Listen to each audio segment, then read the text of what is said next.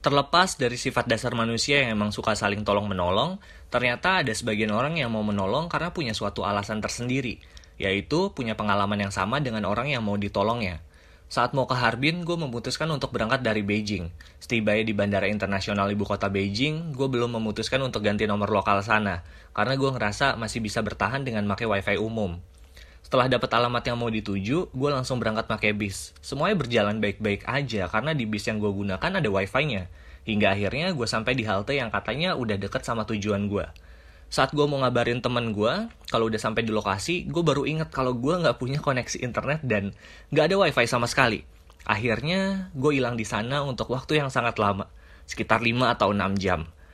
Hal inilah yang ngebuat gue jadi tour guide dadakan di Harbin karena gue nggak mau orang-orang yang berasal dari luar kota ngerasain apa yang gue alamin sewaktu di Beijing. Thank you so much, gue Zakir Wandi.